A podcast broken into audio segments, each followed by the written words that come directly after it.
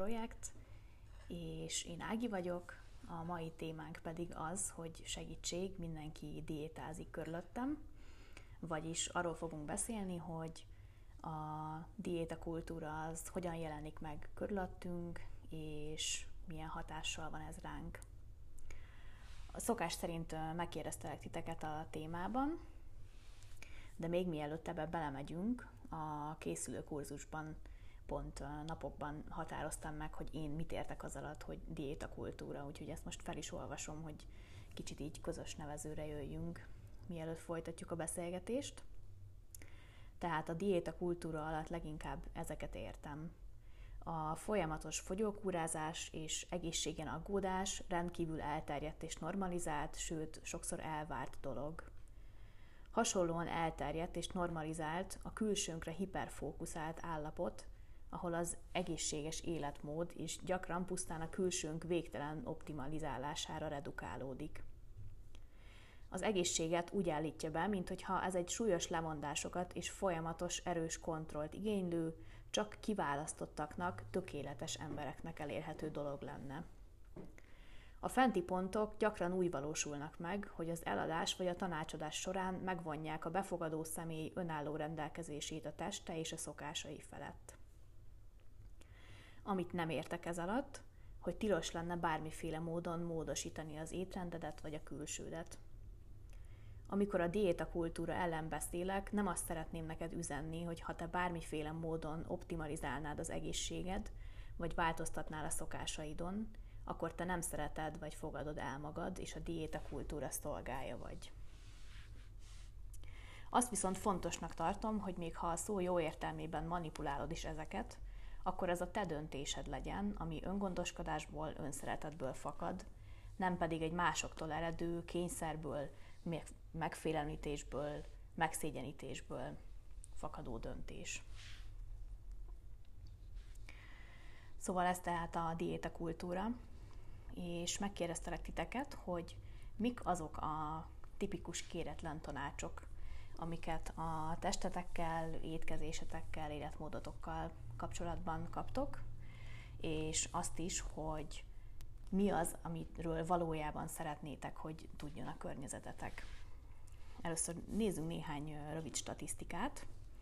Megkérdeztem, hogy hogy reagál a környezetet, ha jelzed, hogy nem tartasz igényt a tanácsra, és erre a szavazók 77%-a azt válaszolta, hogy nem valami jól. Azt is megkérdeztem, hogy mennyire gyakran fordul elő, hogy diétákról beszélnek a környezetetekben. Erre 76%-otok azt válaszolta, hogy egyfolytában. És azt is megkérdeztem, hogy ez milyen hatással van rátok, és erre 68%-otok azt válaszolta, hogy rosszul érzem magam.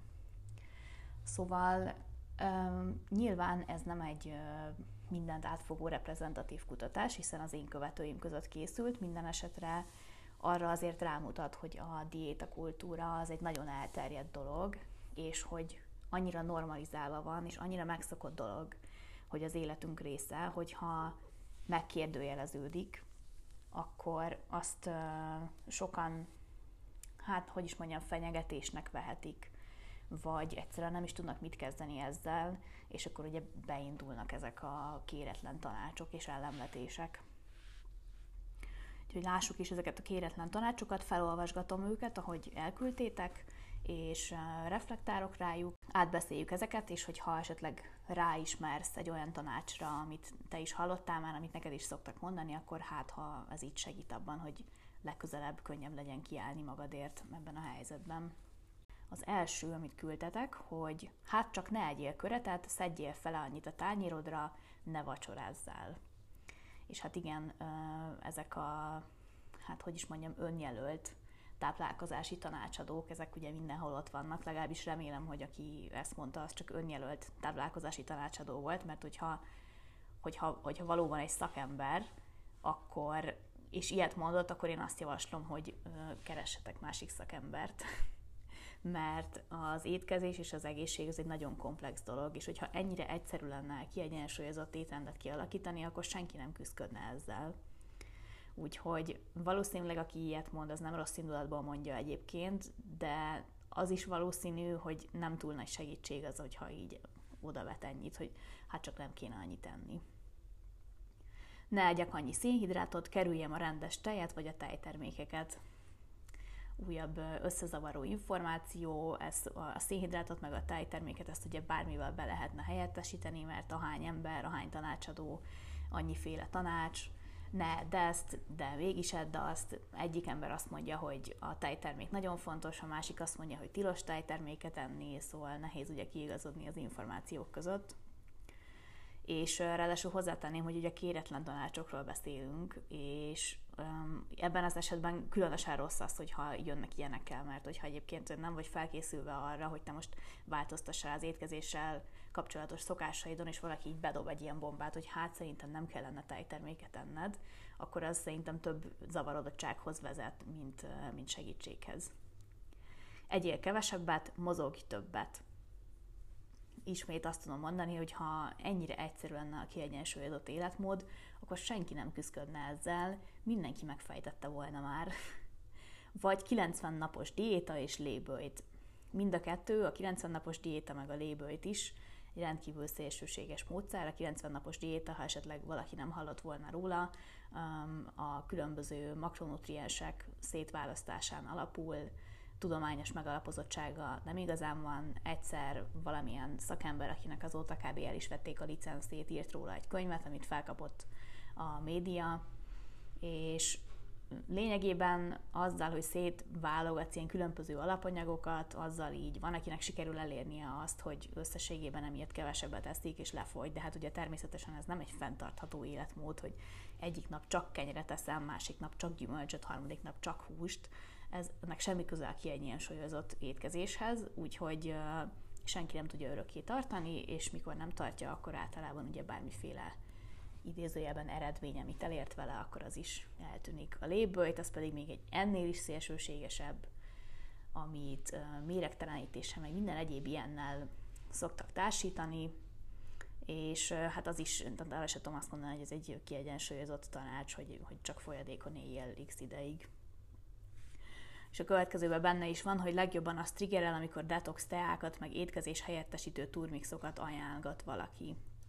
Na most mi a baj ezekkel? A detoxsal leginkább az a baj, hogy ez egy, ismét egy ilyen áltudományos dolog, aminek általában ilyen nagyon okosan megírt marketing szövegei vannak, amiben pont annyi tudományos kifejezést hintenek el, hogy a laikusban esetleg az a benyomás támadjon, hogy aki írta ezt a szöveget, az ért hozzá, tudja, miről beszél, akkor ez a tea, ez biztosan nagyon jó.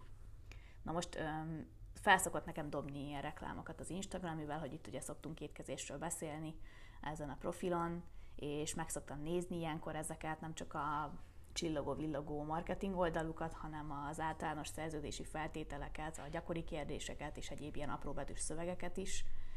És eddig, amikor megnéztem, akkor 10-ből 10-szer ezek általában ilyen hashajtó teák voltak, mert hát ugye amikor az embernek napokon keresztül gyakoribb és erőteljesebb széklete van, akkor az általában azzal jár, hogy a testünk vizet is veszt, és akkor az átmeneti súlycsökkenést, meg, meg esetleg centik elvesztését eredményezi. De hát ugye természetesen ez se fenntartható, hát remélem nem kell mondanom, de azért elmondom, hogy a folyamatos hasmenés az nem egészséges. Teljesen mindegy, hogy mennyi fogyást érez, meg hogy átmenetileg mennyire könnyebbül meg tőle az ember, nem jó, nem jó nekünk. És a, a detoxikálást a szervezetünkben egyébként vannak olyan szervek, amiknek kifejezetten ez a feladatuk, hogy ezt végzik, és hogyha ezek a szervek bajban vannak, és nem tudják ellátni ezt a feladatot, akkor detox kúrák helyett orvosi segítségre van szükség, kompetens segítségre, akik segítenek helyreállítani ezt az egyébként önműködő rendszert. Az étkezés helyettesítő turmixokkal meg általában az a problémám, hogy ha bár egész étkezésként reklámozzák magukat, általában nagyon alacsony a kalóriatartalmuk, és nem fognak jó lakottságot eredményezni 5 percnél tovább, és arra bíztatnak szerintem, hogy ahelyett, hogy megegyél egy tartalmas étkezést a test a jelzéseire reagálva, inkább ignoráld ezeket a jelzéseket, és így meg egy turmixot, mint hogyha azzal helyettesíteni lehetne egy étkezést. De szerintem hiába bontjuk le makronutriensekre egy turmix megívása, az soha nem lesz olyan, mint a teljes értékű étkezésnek az elfogyasztása. Nézzük a következőt. Nem tanács, csak sima baszogatás. Ha könnyebb a tested, az életed is könnyebb, és ezt az illető egy rokonától kapta ráadásul, de egyébként szerintem akár egy marketing szlogen is lehetne, amivel mondjuk a nyári testet akarják eladni, amiben ugye előző alkalommal beszéltünk. És ez is egy ilyen borzalmasan káros és szerintem már-már megszigyenítő általánosítás is egyébként, ami a diéta kultúrának ugye az is része, hogy a jelenlegi társadalmunkban sajnos van egy olyan hierarchia, hogy aki vékonyabb testben él, az sajnos valószínűleg általában kedvesebbek az emberek, és jobbak a lehetőségei, mondjuk nem tudom, munkahely, meg egyéb területeken. És én azt gondolom, hogy ha bár ez egy létező valóság jelenleg, ez, ez nem egy jó valóság, és nagyon-nagyon sok embert marginalizál, és igazságtalan helyzetbe rak, és ez a kijelentés, hogy ha könnyebb a tested, akkor az életed is könnyebb, ez megerősíti ezt a hierarchiát, és semmi szükség arra, hogy ezt a hierarchiát tovább erősítjük. Következő, bármibe beleszólnak. Ha sokat eszem, ha keveset, ha edzem, akkor miért ennyit szerintük túl sok. Igen, és a diétakultúrának ez is egy ilyen velejárója, hogy egyszerűen sokszor azon kaphatjuk magunkat, hogy a környezetünkben mindenki feljagosítva érzi magát arra, hogy tanácsot adjon a testünkkel és a szokásainkkal kapcsolatban. És szerintem ez is egy ilyen borzalmasan káros helyzet, mert senkinek sincsen szüksége arra, hogy végtelen tanácsokat kapjon, mindenkinek véges a befogadó képessége, és hogyha folyamatosan ezer helyről záporoznak felé a tanácsok, akkor az szinte biztos, hogy azt fogja eredményezni, hogy csak összezavarodik, és nem fogja tudni, hogy mit csináljon.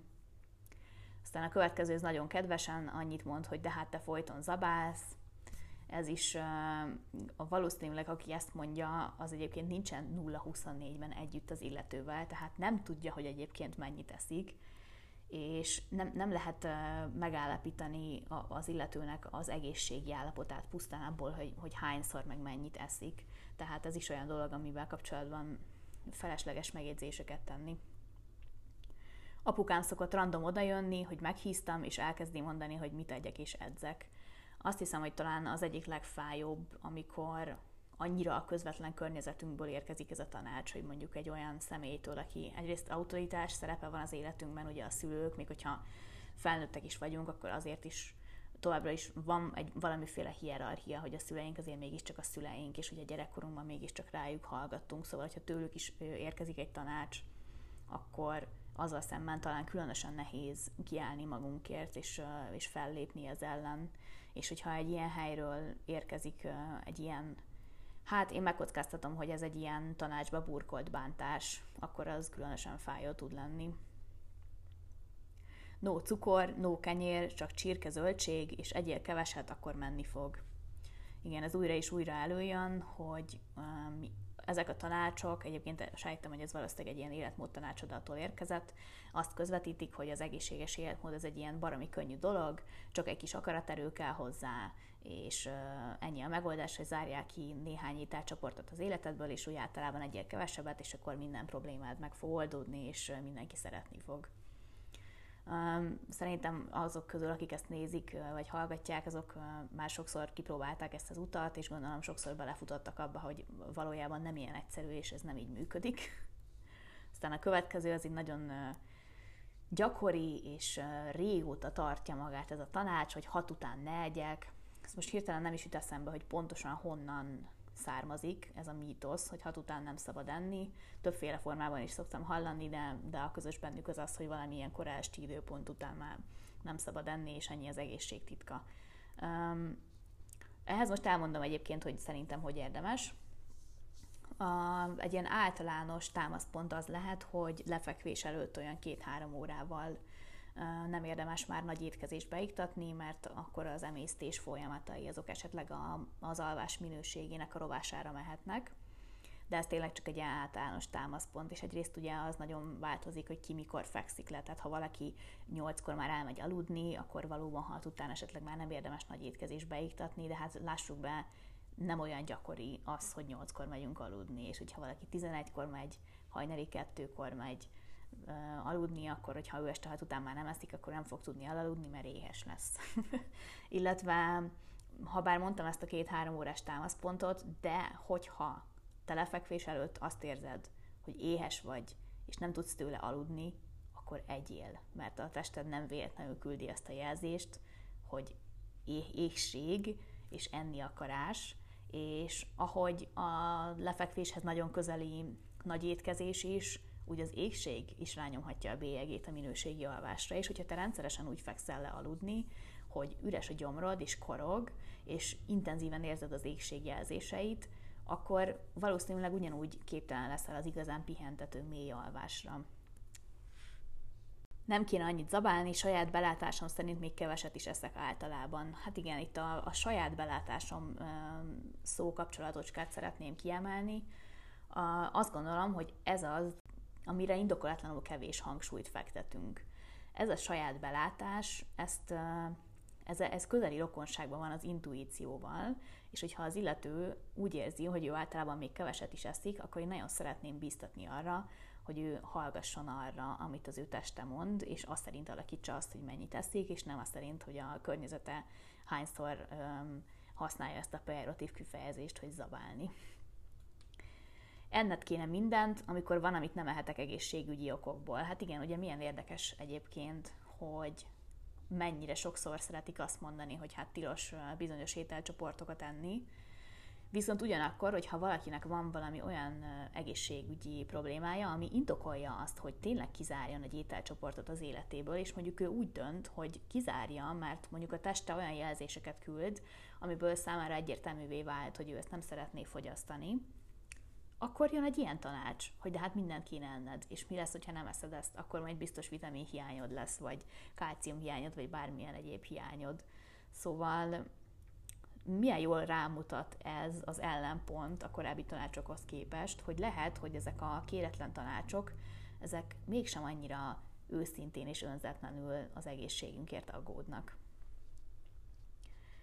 Vegán vagyok, szóval csak kb. azt kapok, igen, ugye ott is a vegánság az mondjuk inkább egy ilyen morális alapokon nyugvó döntés, én is növényi alapokon táplálkozom egyébként, és leginkább a, az állattartás és a, az állati termékeknek a, ugye a körülményei miatt döntöttem így, hogy szeretném a lehető legjobban minimalizálni az ilyen termékek fogyasztását az életemben, és hát ugye, hogy az előbb is mondtam, hogy annak ellenére, hogy amúgy hányszor van az, hogy így záporoznak az emberre az ilyen tanácsok, hogy tilos ezt meg azt tenni, amikor esetleg az ember önszántából dönt úgy, hogy valamit kizár, akkor meg pont az ellenkezőjével kapcsolatba kezd el tanácsokat kapni.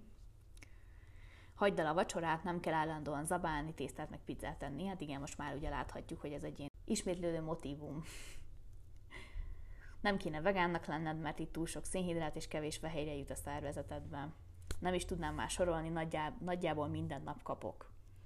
Igen, és hát ugye milyen jó, hogy ezt leírta az illető, mert ugye pont említettem korábban azt, hogy mindenkinek véges a befogadó képessége, senki nem képes annyi tanácsot tárolni és megfontolni, mint amennyi érkezik, és hogyha valakinek nem telik el úgy napja, hogy valaki nem mondana neki valami kéretlen tanácsot, az iszonyú nagy teher lehet. És rá is mehet akár az egészségre is felhívják a figyelmem arra, hogy amit eszek, az nagyon sok kalória. Igen, azt gondolom, hogy ez a fitnessiparnak egy ilyen elég káros hatása, hogy a kalóriaszámolást azt behozta a köztudatba, ami önmagában még nem biztos, hogy baj lett volna, de ugye úgy jött be ez a köztudatba, mint a legújabb ilyen csodaszer, és mindenki ilyen önjelölt matematikus lett hirtelen, és megtanult a fejből nagyon-nagyon sok alapanyagnak, meg ételnek a kalóriatartalmát, és imádják ezt így ráolvasni mások fejére, pedig egyébként, hogyha valaki mondjuk esetleg küzdött már ezzel a problémával, hogy a kalóriaszámolás az egy ilyen kényszeres dologgá vált az életében, akkor bizonyára tudja, hogy mennyire nehéz utána elkezdeni úgy étkezni, hogy az ember nem sorolja fel magának a tányérján található ételeknek a, az összesített kalóriatartalmát, és amikor valaki kéretlenül felhívja erre a figyelmet, akkor ugye nem tudhatja, hogy nem nyúl-e véletlenül bele egy ilyen helyzetbe, hogy az illető egyébként éppen azon dolgozik, hogy hogyan engedje el ezeknek a számoknak a kényszeres figyelését. de ha ezt megetted, ne hisztíz nekem, hogy kövér vagy. Igen, sajnos ez is egy olyan állítás, amit nagyon sokszor hallok, hogy, hogy szakemberek szájából hangzik el idézőjelben motiváció gyanánt, de szerintem ez egy borzalmasan megalázó kifejezés.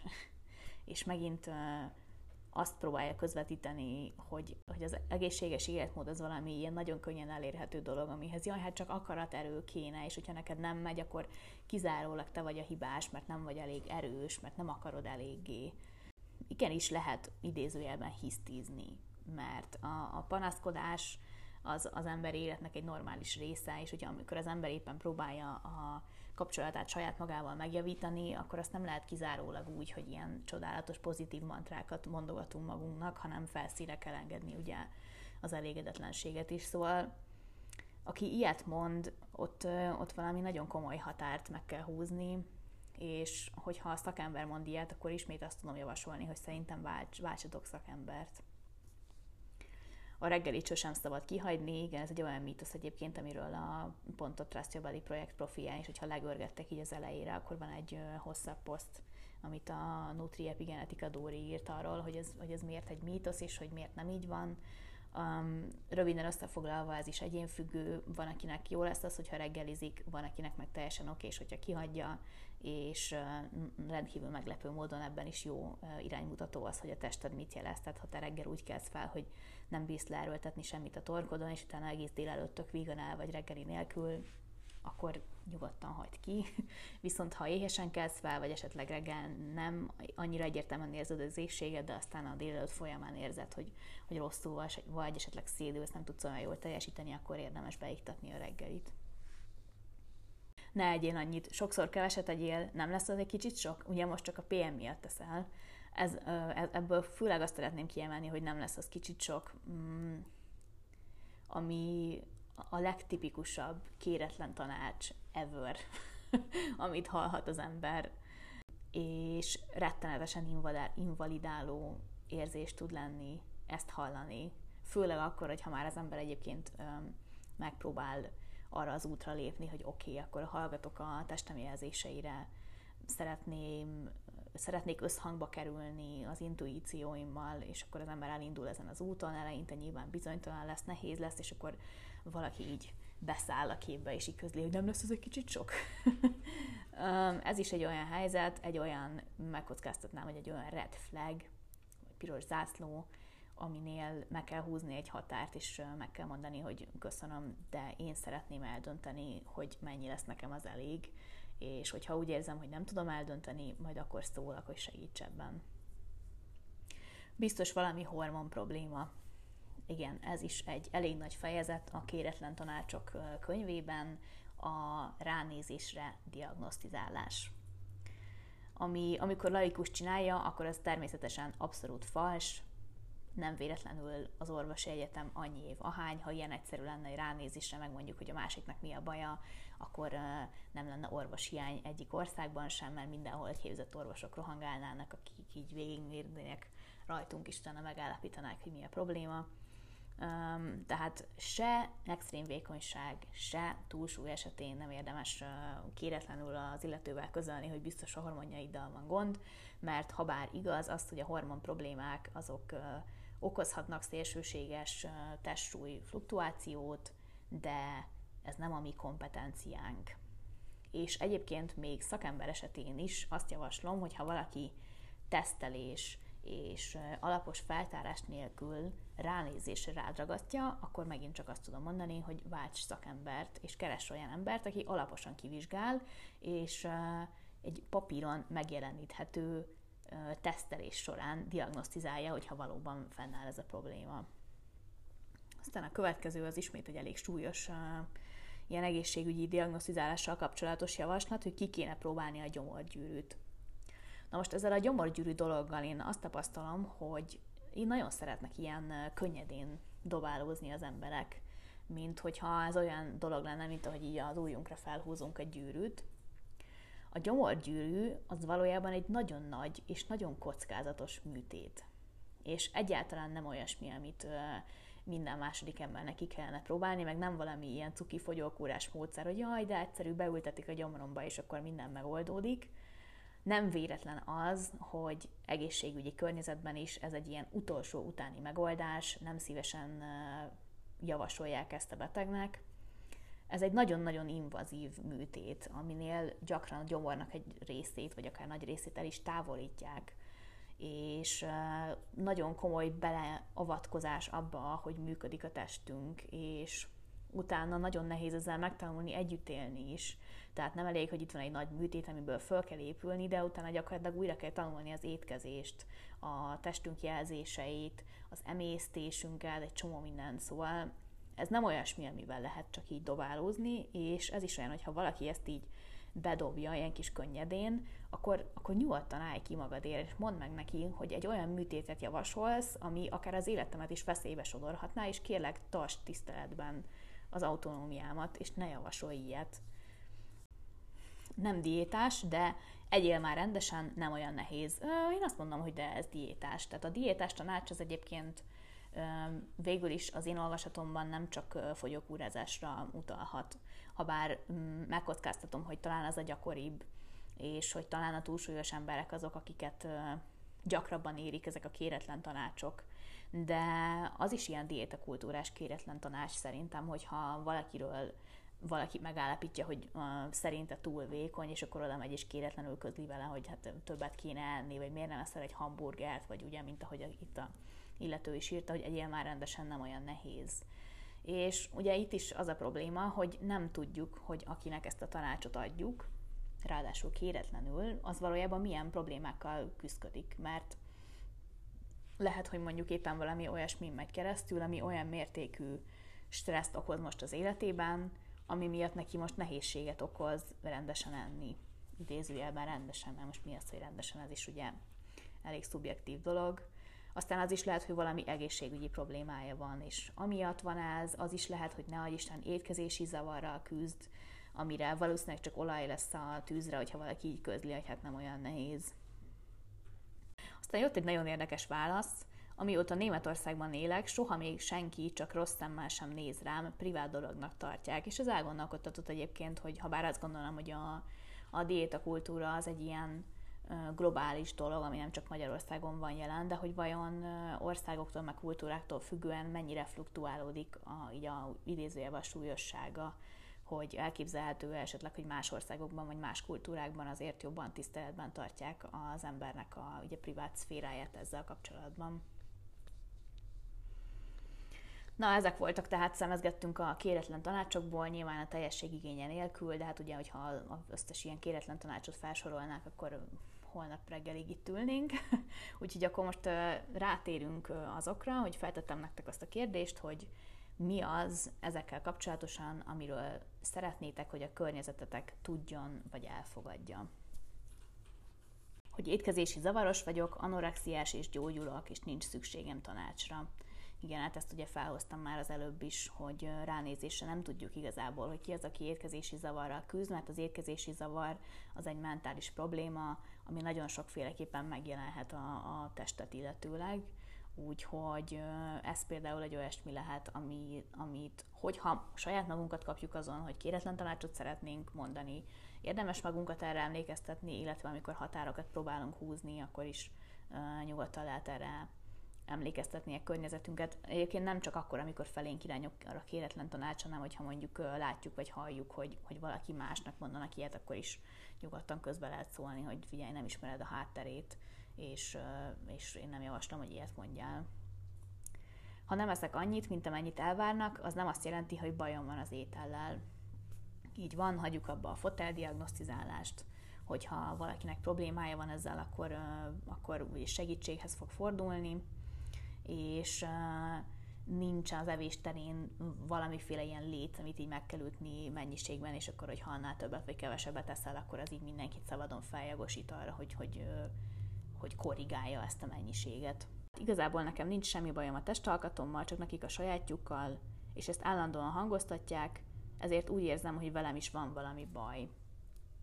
Na igen, ez is egy nagyon érdekes kérdés egyébként, hogy az, hogy saját magunkról hangosan hogy nyilatkozunk, az milyen hatással van a környezetünkre. És szerintem a leggyakoribb szituáció, ha ennek egyébként nagyon nagy jelentősége van, az a szülő-gyerek kapcsolat. És nyilván, mivel nekem nincsen gyerekem, ezért senkinek a nevelésével nem szeretnék mélyen beleszólni, de ez egy megfontolandó pont lehet esetleg, hogy ha egy gyerek azt látja, hogy anyuka vagy apuka folyamatosan szidja a testét, és mindenféle szélsőséges diétákba kezd, akkor ez bizony nagyon is elképzelhető, hogy a gyerekben is úgy csapódik le, mint ahogy itt az illető is írta, ugye, hogy alapvetően nem merült fel benne, hogy valami, valami baj lenne, de annyit hallotta, hogy mások panaszkodnak, hogy egy előbb-utóbb ez benne is úgy csapódott le, hogy hát akkor lehet, hogy én sem vagyok olyan okés, mint ahogy azt gondoltam. A vegánság nem fogyókúra. Istenem, mennyit hallom, hogy meghoztam a kedvük, pedig én pont azóta eszem idézőjelben okésan, az, az az eleget, finomat, kiegyensúlyozottabban. Igen, ugye ez is feljött korábban, hogy a, hogy a vegánság az nem egy diéta. A vegánság az egy szemléletmód, hogyha valaki kizárólag az étkezésre akar fókuszálni, akkor egyébként én megfogalmazásban is inkább azt javaslom, hogy növényi alapú étkezés, mert hogy a vegánságnak általában része az ilyen állatvédő aktivizmus is, és aki, aki vegán, az nem elsősorban azért választja ezt az étkezési formát, mert fogyni szeretne. Ha bár ilyen is van, de egyébként ettől én óvva is intenék mindenkit, hogy csak és kizárólag azért kezdjen bele egy ilyen um, sokszor elég restriktív étrendbe, mert fogyni szeretne, mert hogyha nincsen mögötte a meggyőződés, akkor, akkor elképzelhető, hogy nem fog ez egy ilyen örömteli, kiegyensúlyozott étkezésben torkolni, ha bár ugye az illető, aki ezt küldte, az például pont tök jó példa, ugye, hogy ő nem fogyókúra miatt kezdett bele, és hogy ő, ő neki például ez pont abban segített, hogy kiegyensúlyozottabban étkezzen.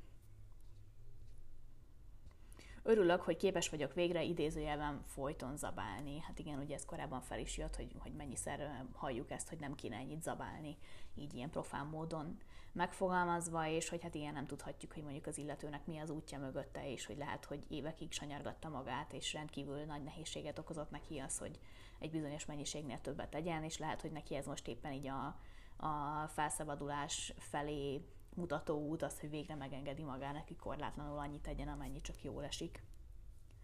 Hogy az én döntésem rám tartozik, felnőtt nő vagyok, el tudom dönteni, mit akarok enni. Igen, ez így tökéletesen megfogalmazza azt is, amit én is szeretnék tanítani, hogy az egészség az nem egy ilyen, tehát hogy mondjam, valamilyen szinten közügy persze van közügy része, de hogyha az egyénre lefordítjuk, akkor nem szabad elnyomni az egyénnek a döntését, mert hát valóban ugye felnőtt emberek vagyunk, képesek vagyunk felelősséget vállalni saját magunkért, és nincsen szükségünk arra, hogy ezt folyamatosan megkérdőjelezzék hogy én egyszerűen ilyen testalkat vagyok, bár ezt még nekem is nehéz elfogadnom. Ezt abszolút nem csodálom, hogy nehéz elfogadni, mert van egy ilyen megbúvó, vagy kevésbé megbúvó üzenet a társadalmunkban, hogy van egy bizonyos testalkat, ami mindenki számára elérhető, és csak akarat erő kérdése.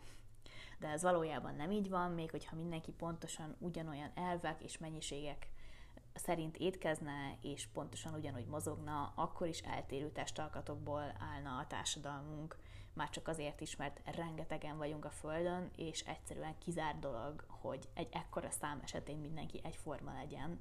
Nem akarok ilyen közhelyekkel jönni, hogy milyen unalmas lenne, ha mindenki egyforma lenne, de egyébként tényleg nem is teljesen értem ezt a törekvést, hogy miért szeretnénk egyforma klónokat faragni mindenkiből, és ha bár ez egy picit más téma, de hogy milyen érdekes, hogyha mondjuk megnézzük a celeb kultúrát, akkor ott például mennyire érvényesül ez az ilyen homogenizálódás, hogy mindenki ugyanazokat a plastikai műtéteket hajtja végig, és hogyha megnézitek az ilyen leghíresebb celebeket, akkor sokszor tényleg kicsit az az érzése támad az embernek, hogyha mindig, mintha így copy paste volna őket. Szóval igen, létezik olyan, hogy egyszerűen különbözőféle testalkatunk vagyunk, és hogyha minden áron ugyanabba a formába próbáljuk magunkat beleerőltetni, az például ilyen frusztrációkat hozhat létre, hogy valakinek nehéz lesz elfogadni azt, hogy ő már pedig nem fér bele abba a formába. A saját testemért én vagyok a felelős, és látom, érzem, ha nem vagyok egészséges, nincs szükségem emlékeztetőre arról, hogy ők nem elégedettek azzal, ahogy kinézek, vagy ahogy vagyok. Igen, ez nagyon jó kiegészítés az előző kijelentéshez, és ez egyébként így van, tehát nem is értem egyébként azt, amikor mondjuk túlsúlyos embereket úgy kezelnek, mint hogyha teljesen infantilisak lennének, és fogalmuk se lenne arról, hogy híztak, és mondjuk ne Isten probléma van az egészségükkel is. Nem vagyunk infantilisak, felnőtt emberek vagyunk, és az ember szinte mindig tudja magáról, hogy ha valami nincsen rendben, azt pedig nyilván észreveszünk, ha változik a testünk. Hát szinte mindenkinek van a háztartásában tükör, és mindenki hord ruhákat. Szóval amikor így ágyazzák be ezeket a kéretlen tanácsokat, vagy ne adj Isten megalázásokat, hogy de hát én csak az egészségedért aggódok, akkor bennem is mindig felmerül ez a kérdés, hogy miért gondoljuk azt, hogy a másik ember nincsen tisztában a testében zajló változásokkal. Hogy kényelmesen el vagyok a testemben, minden funkciót ellát, és nekem ez bőven elég. Ez is tök szép kijelentés, ez is olyasmi, amit egyébként szerintem akár fel is lehet írni egy kis posztit és így ki lehet ragasztani valahova, hogy igenis szabad ezt érezni.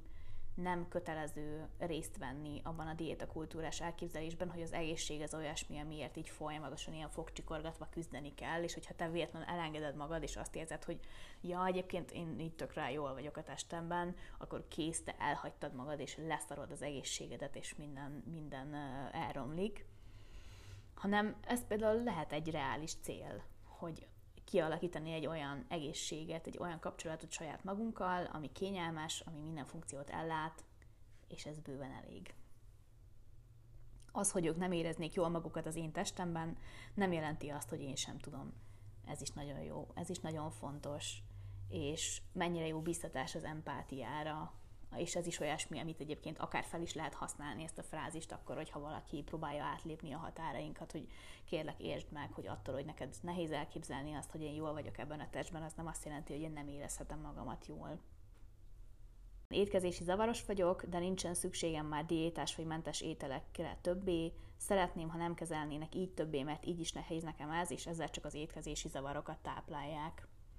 Igen, étkezési zavarokból meggyógyulni az rendkívül nehéz és egyébként ez nekem személyes tapasztalat is, hogy amíg valószínűsíthetően egy étkezési zavarral küzdöttem, addig én is így ezerrel toltam ezeket a reform cuccokat, és nagyon rossz érzés volt, hogy amikor elkezdtem a gyógyulás útjára lépni, akkor a környezetem az lépte nyomon is számon kért, hogy de neked szabad ilyet enni, de neked nem ez a speciális, nem tudom micsoda kéne, és folyamatosan az ilyen mindenféle mindenmentes cuccokat ajánlották, miközben én ugye így ezerrel próbáltam kikerülni ebből, hogy tehát hogy megengedjek magamnak olyasmit is, ami nem ilyen hiper-szuper uh, csillagászati áru, fantasztikus reform cucc. Szóval igen, ez is nagyon fontos határ, hogy ha, ha valaki nem szeretne mentes ételeket enni, akkor ne erőltessük rá. Hogy nem akarom magam sanyargatni ezt szebb alakért, mert nekem ez nem éri meg. Csak azért, hogy szexisebb legyek idézőjelben, nekem ez nem előrébb való a jó közérzetemnél igen, ez is lehet akár egy szuper cél is egyébként, hogy kicsit áthelyezni. Erről is egyébként a készülő kurzusban um, elég sokat írok, hogy uh, hogyan lehet alakítani a fontossági sorrendet, és hogy, um, hogy például ez egy jó cél lehet, hogy a jó közérzetet azt egy picit így a fontossági sorrendben feljebb hozni a, a szexiségnél, vagy a, a, a ilyen tökéletes külsőnél, és tök szuper olvasni egyébként, hogy a választadó az már is jutott ide, és hogy már próbálja éreztetni esetleg a környezetével is azt, hogy haló, figyeljetek, nekem átalakult a fontossági sorrendem, és vegyétek figyelembe, hogy a jó közérzetem az előrébb való annál, hogy ti mennyire tartotok engem szexinek. Nincs olyan, hogy bikini body, mivel minden test a maga módján gyönyörű, és a kisugárzás számít. Igen, nagyon szeretném, hogyha ez a bikini body ez kikopna már a köztudatból. Ugye ezzel kapcsolatban előző alkalommal elég sokat beszéltünk azt is nézzétek, vagy hallgassátok vissza, hogyha szeretnétek. Hogy majd én eldöntöm, hogy mennyit és mit eszem, ismét ugye a, a saját akaratnak a meghagyása vagy erősítés, ez nagyon fontos. Nem minden a külsőségek körül forog, ugye a fontossági sorrend. Szeretném, ha tudnának a bulimiámról, de mégsem. Nem tudom, hogy az illető ezt hallja el, vagy majd fogja el hallgatni, de ha igen, akkor én szeretném biztatni, hogy um, beszéljen erről, nyilván csak olyan emberrel, aki, akiben megbízik és akivel biztonságban érzi magát. tudom, hogy az étkezési zavarok az egy ilyen nagyon-nagyon stigmatizált dolog, és hogy az ember, még ha tudja magáról is, hogy étkezési zavarral küzd, ez egy borzalmas szégyenérzetet hordozhat magával. De az étkezési zavar az nem a te hibád és nem vagy ettől, nem tudom, valamilyen alávaló mocskos ember, akinek nem tudom, nincsen akaratereje, vagy ilyesmi. Úgyhogy ha tudod, hogy küzdködsz és segítségre van szükséged, akkor én nagyon szeretnélek arra biztatni, hogy, hogy kérje segítséget, mert van kiút, van lehetőség a gyógyulásra, és megérdemled azt, hogy egy felszabadultabb életet éljél, ami étkezési zavaroktól mentes. Hogy az egészséges test okésabb a sanyargatott testnél. Nem kell koplálni, jó tápanyagokra van szükség. Hát igen, ezt ugye az előző alkalommal a nyári testtel kapcsolatban sokat beszéltük, hogy, hogy még mindig él a köztudatban ez az elképzelés, hogy egy bizonyos testalkatot azonosítunk az egészséggel, és hogy sokszor ahogy ezt a testalkatot próbáljuk elérni, az azt eredményezi, hogy belecsúszunk olyan szokásokba, amik igazából már nem szolgálják az egészségünket, hiába egy olyan testet próbálunk elérni, amiről a társadalom azt mondja, hogy na így néz ki egy egészséges test. Lehet, hogy nekünk az a test nem elérhető egészséges szokásokon keresztül, és ahogy a válaszadó is mondja, az egészséges test okésebb a sanyargatott testnél, és hogyha a mi egészséges testünk az nem úgy néz ki, mint ahogy a társadalom által idealizált, idézőjelben egészséges test, az tök okés, és nem kell érte koplalni. Hogy valaki nem biztos, hogy attól kövér, mert sokat eszik. Hát igen, ez is egy nagyon súlyos és káros általánosítás, hogyha meglátunk egy kövér embert, akkor hajlamosak vagyunk így rögtön megbélyegezni, hogy ja igen, azért, mert ő tuti, hogy sokat zabál. Azért mondom így, hogy hajlamosak vagyunk, mert nem szeretnék senkire újra mutogatni, ezt mindenkinek ugye saját magával kell elszámolnia, hogy ha kövér embert lát, akkor mennyire jelenik meg benne ez az ítélkezés. De van a kedves válaszadónak a testsúly és az evés kapcsolata az valóban nem ennyire egyszerű. Az elfogyasztott mennyiségnek természetesen van köze a testsúly alakulásához, nem azt akarom mondani, hogy semmi köze hozzá, de ez egy komplexebb kapcsolat ennél, hogy aki kövér az állandóan zabál.